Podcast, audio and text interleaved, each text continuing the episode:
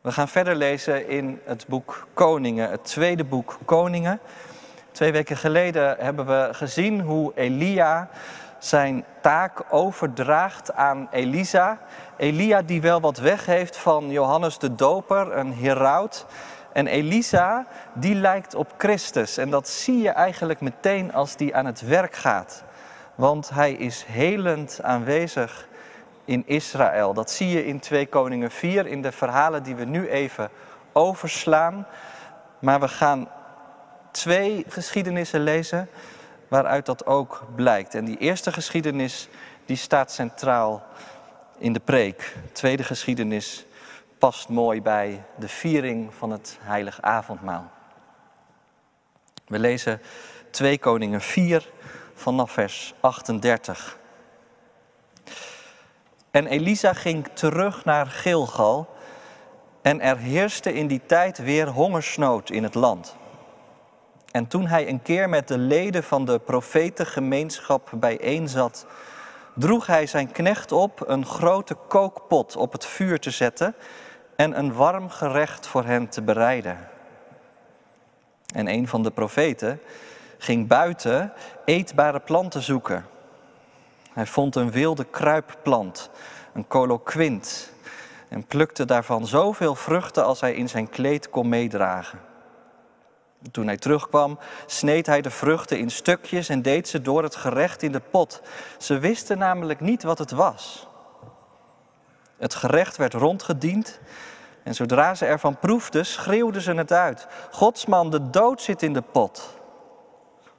Ze konden geen hap door hun keel krijgen. Toen zei Elisa, breng me wat meel. Hij strooide wat meel in de pot en zei, schep iedereen opnieuw op.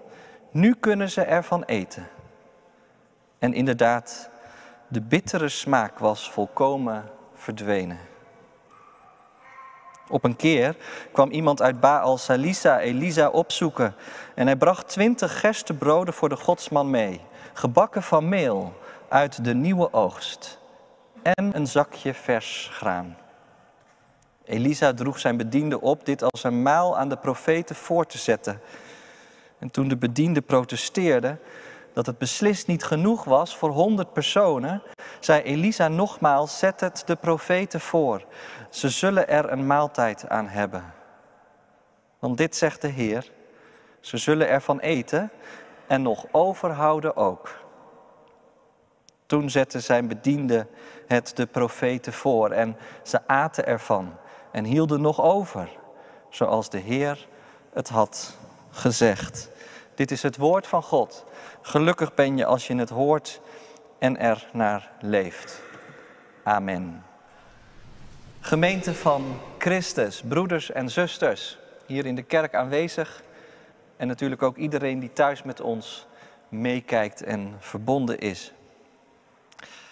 De bekende schrijfster Corrie ten Boom, misschien ken je haar nog, vergeleek het geloof ooit eens met een kopje thee.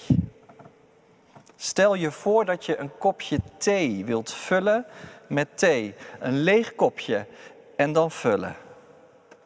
Dan moet je er uiteraard voor zorgen dat dat kopje helemaal leeg is. Logisch natuurlijk. Nou, er mag ook niets in zitten wat vies is.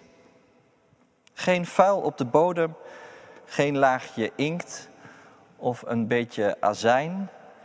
Nee, dat kopje moet helemaal schoon zijn en helemaal leeg. En dan kan het gevuld worden. En vervolgens vertelt Corrie ten Boom over een moment dat zij zelf helemaal gevuld werd.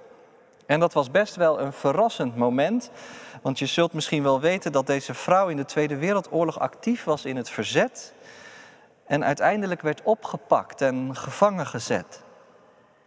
En direct na die arrestatie voelde ze zich leger dan ooit.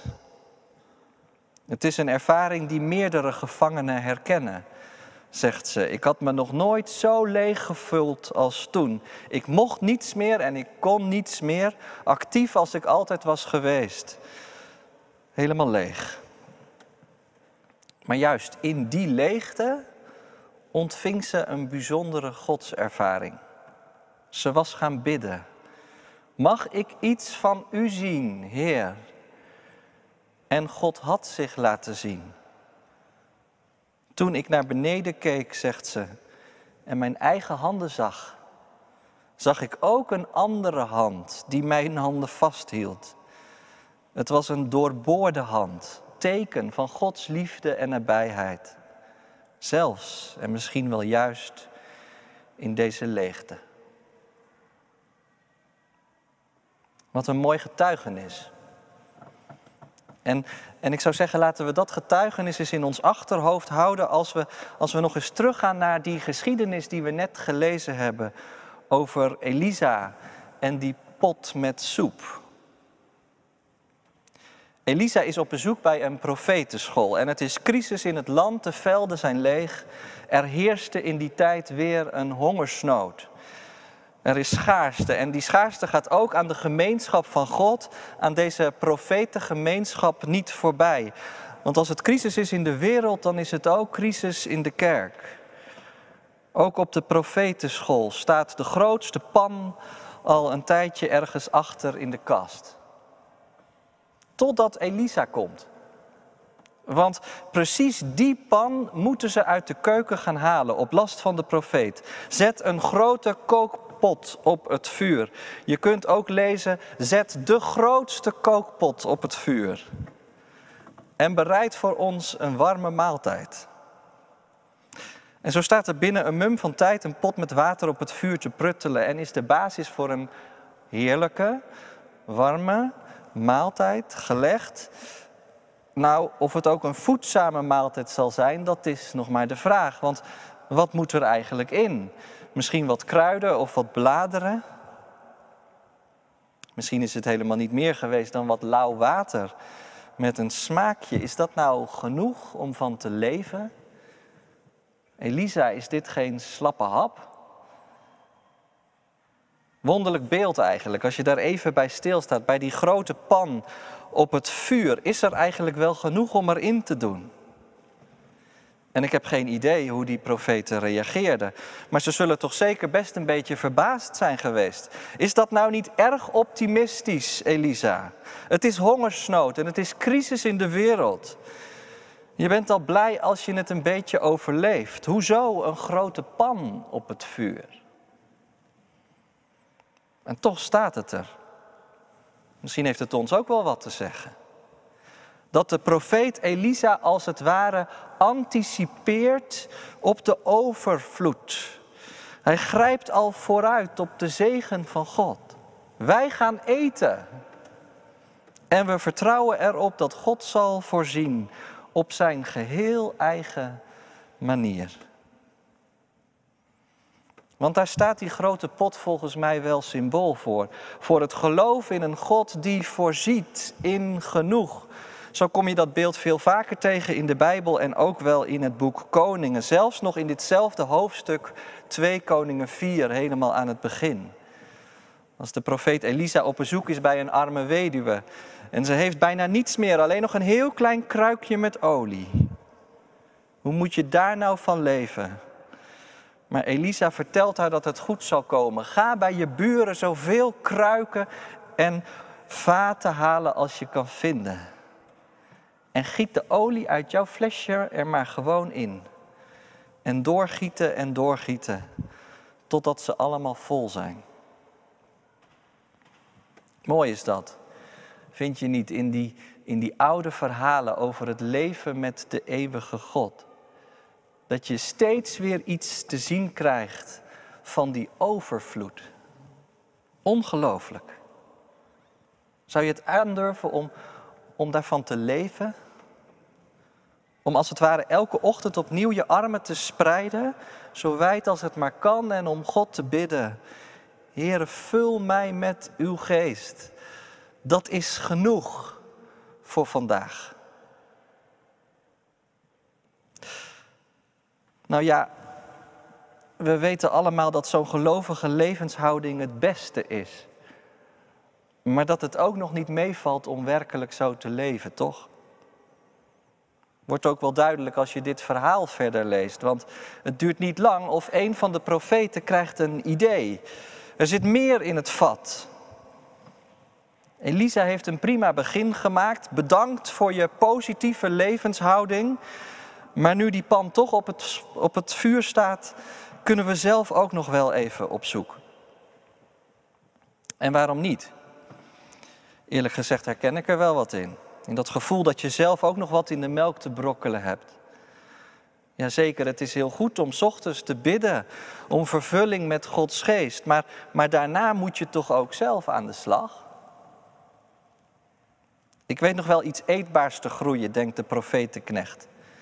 En hij slaat zijn slag als hij een wilderige plant aantreft, ergens in de bosjes. Het lijkt wel een wilde wijnstok. En hij plukt zoveel vruchten als hij maar kan. Coloquinte zijn het.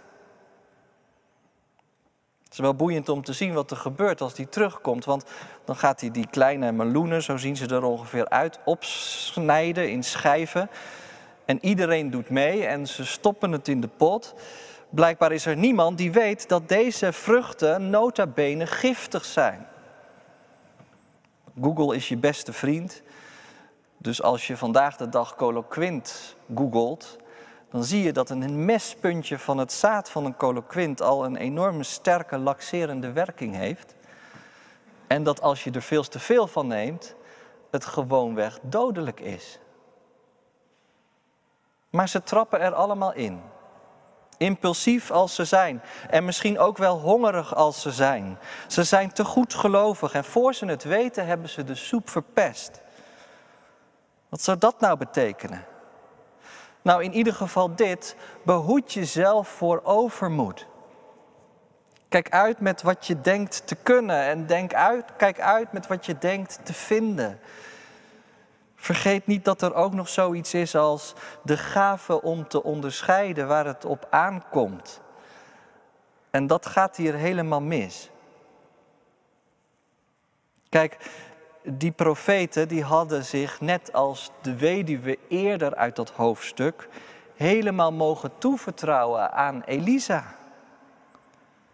Maar in plaats daarvan ging er toch nog iets van henzelf bij. En ik vind het dan wel weer grappig dat het juist op de profetenschool misgaat. Allerlei mensen hebben zich in dit hoofdstuk door Elisa laten redden. Maar nergens waren ze zo eigenwijs als op de school van de profetie. Wij gaan het zelf doen. En zo komt het verhaal tot een soort climax, want, want nu zijn ze er helemaal klaar voor. Ze vullen hun kommen en ze beginnen te lepelen, maar dan ontstaat ook meteen de paniek. Zodra ze ervan proefden, zo lees je, schreeuwden ze het uit. Godsman, de dood zit in de pot. Ze kunnen geen hap meer door hun keel krijgen. Ze grijpen naar hun maag en ze rollen met hun ogen. Het voedsel is bitter, die hele pot met soep is niets meer waard. Is natuurlijk een uitdrukking die je af en toe wel hoort. De dood is in de pot. Misschien heb je het zelf ook wel eens gezegd. Ik weet het niet. Maar je hoort soms mensen zeggen dat ze het niet meer leuk vinden in het leven. En daar kan heel erg veel reden voor zijn. Ik heb mijn best gedaan om er iets van te maken. Misschien heb ik ook wel foute keuzes gemaakt, maar ja, ik wist niet beter. Ik wist niet wat ik deed. Het is crisis in de wereld, maar eerlijk gezegd, er is ook zoveel schaarste in mijn eigen bestaan. En ook geestelijk is het sleets geworden. Het geloof dat er was, lijkt wel weg. De prik is eruit. En als je dan met mensen praat, kun je soms zomaar samen tot de conclusie komen: ja, inderdaad, er is iets van dood in het leven, zoals we dat kennen. De dood die diep verborgen zit in onze werkelijkheid en die steeds weer de kop opsteekt, valt er nog wat tegen te doen, tegen die dood in de pot. Nou, in dit verhaal gebeurt een wonder. De dood zit in de pot, maar, maar die dood die wordt verslagen. Mijn hulp is God. Dat betekent de naam Elisa. Mijn hulp is God. En inderdaad, zo gebeurt het ook hier. Elisa gaat iets doen waarmee de soep weer eetbaar wordt. En je zou kunnen zeggen, waarmee de schijnwerper ook voluit op zijn God komt te staan.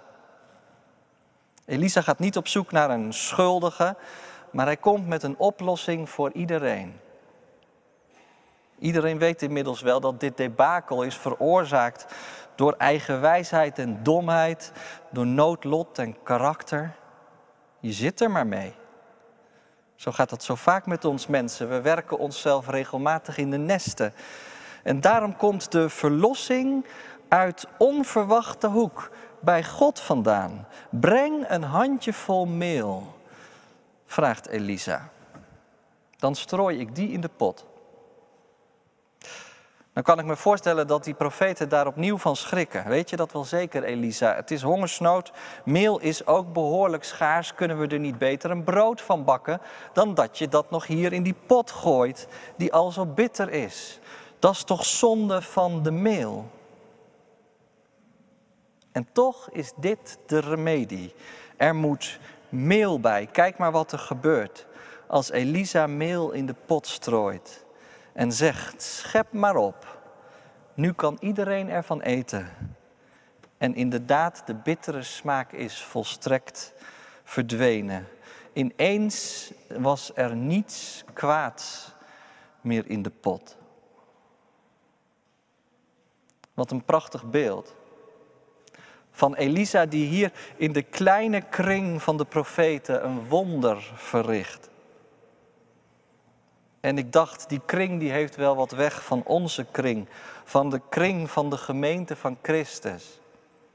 Vol met lieve mensen, maar soms ook eigenwijze mensen. Kring van mensen die meel nodig heeft. Van meel ben je natuurlijk zomaar bij brood en bij het offer en bij Jezus Christus. In het boek Leviticus kun je lezen dat meel werd gebruikt bij het graanoffer. Daarmee kon je een menselijke fout goed maken. Maar wat dacht je van de uitspraak van Jezus? Dat Hij het brood des levens is. Hij is de weg, de waarheid en het leven. Hij daalde af in de bittere soep van ons bestaan. Er moet meel bij. Dat is de boodschap van dit verhaal. We hebben brood nodig. En dat brood, dat wordt ons vanochtend aangereikt bij de viering van het heilige avondmaal. Daar mag je komen met open armen, vol verlangen en vol verwachting dat God je vullen wil. Daar mag je als het ware alvast vooruitgrijpen op Gods overvloed die op ons wacht. Nu is het nog maar een heel klein stukje brood en een heel klein slokje wijn. Maar er hoeft niets meer bij, want brood en wijn verwijzen naar het lichaam van Jezus. Hij gaf zichzelf. En dat is genoeg. Dus laat je niet afleiden door de leegte of door de schaarste. Het leven hoeft niet bitter te zijn. Want juist in de schaarste komt de geest en opent je ogen voor je eigen handen nou vooral ook voor de doorboorde handen van onze heiland. Als u mij aanraakt, dan weet ik het zeker. Bij u te zijn is genoeg. Amen.